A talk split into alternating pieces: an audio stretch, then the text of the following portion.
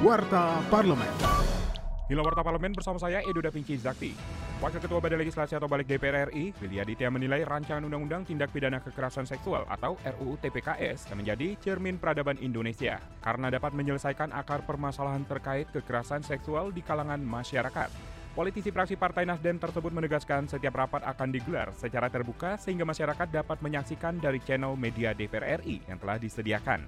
Menurut Willy, masyarakat juga bisa memberikan masukan dan aspirasinya terkait RUU TPKS dengan membangun komunikasi kepada setiap fraksi yang terlibat. Warta Parlemen. Dalam rapat dengar pendapat dengan Eselon 1 Kementerian Perdagangan Republik Indonesia, Wakil Ketua Komisi 6 DPR RI Muhammad Hekal meminta harga acuan bahan pokok untuk ditinjau kembali agar harga pangan di pasaran dapat terkendali. HET hanya berlaku terhadap barang-barang yang ada subsidinya, komponen subsidi, sehingga yang lain menjadi harga acuan. Nah, kita minta tolong dievaluasi lagi.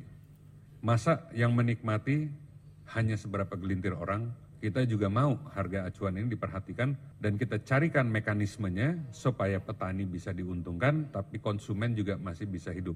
Jadi di situlah kita harapkan peran Menteri Perdagangan. Informasi lebih lanjut kunjungi website dpr.go.id.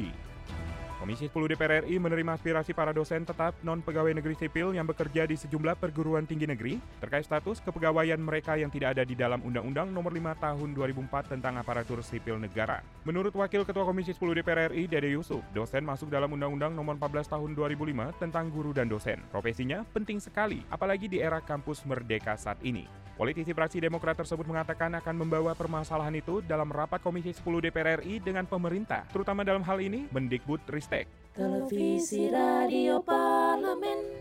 Demikian Warta Parlemen, Produksi TV dan Radio Parlemen, Biro Pemberitaan Parlemen, Sekjen DPR RI.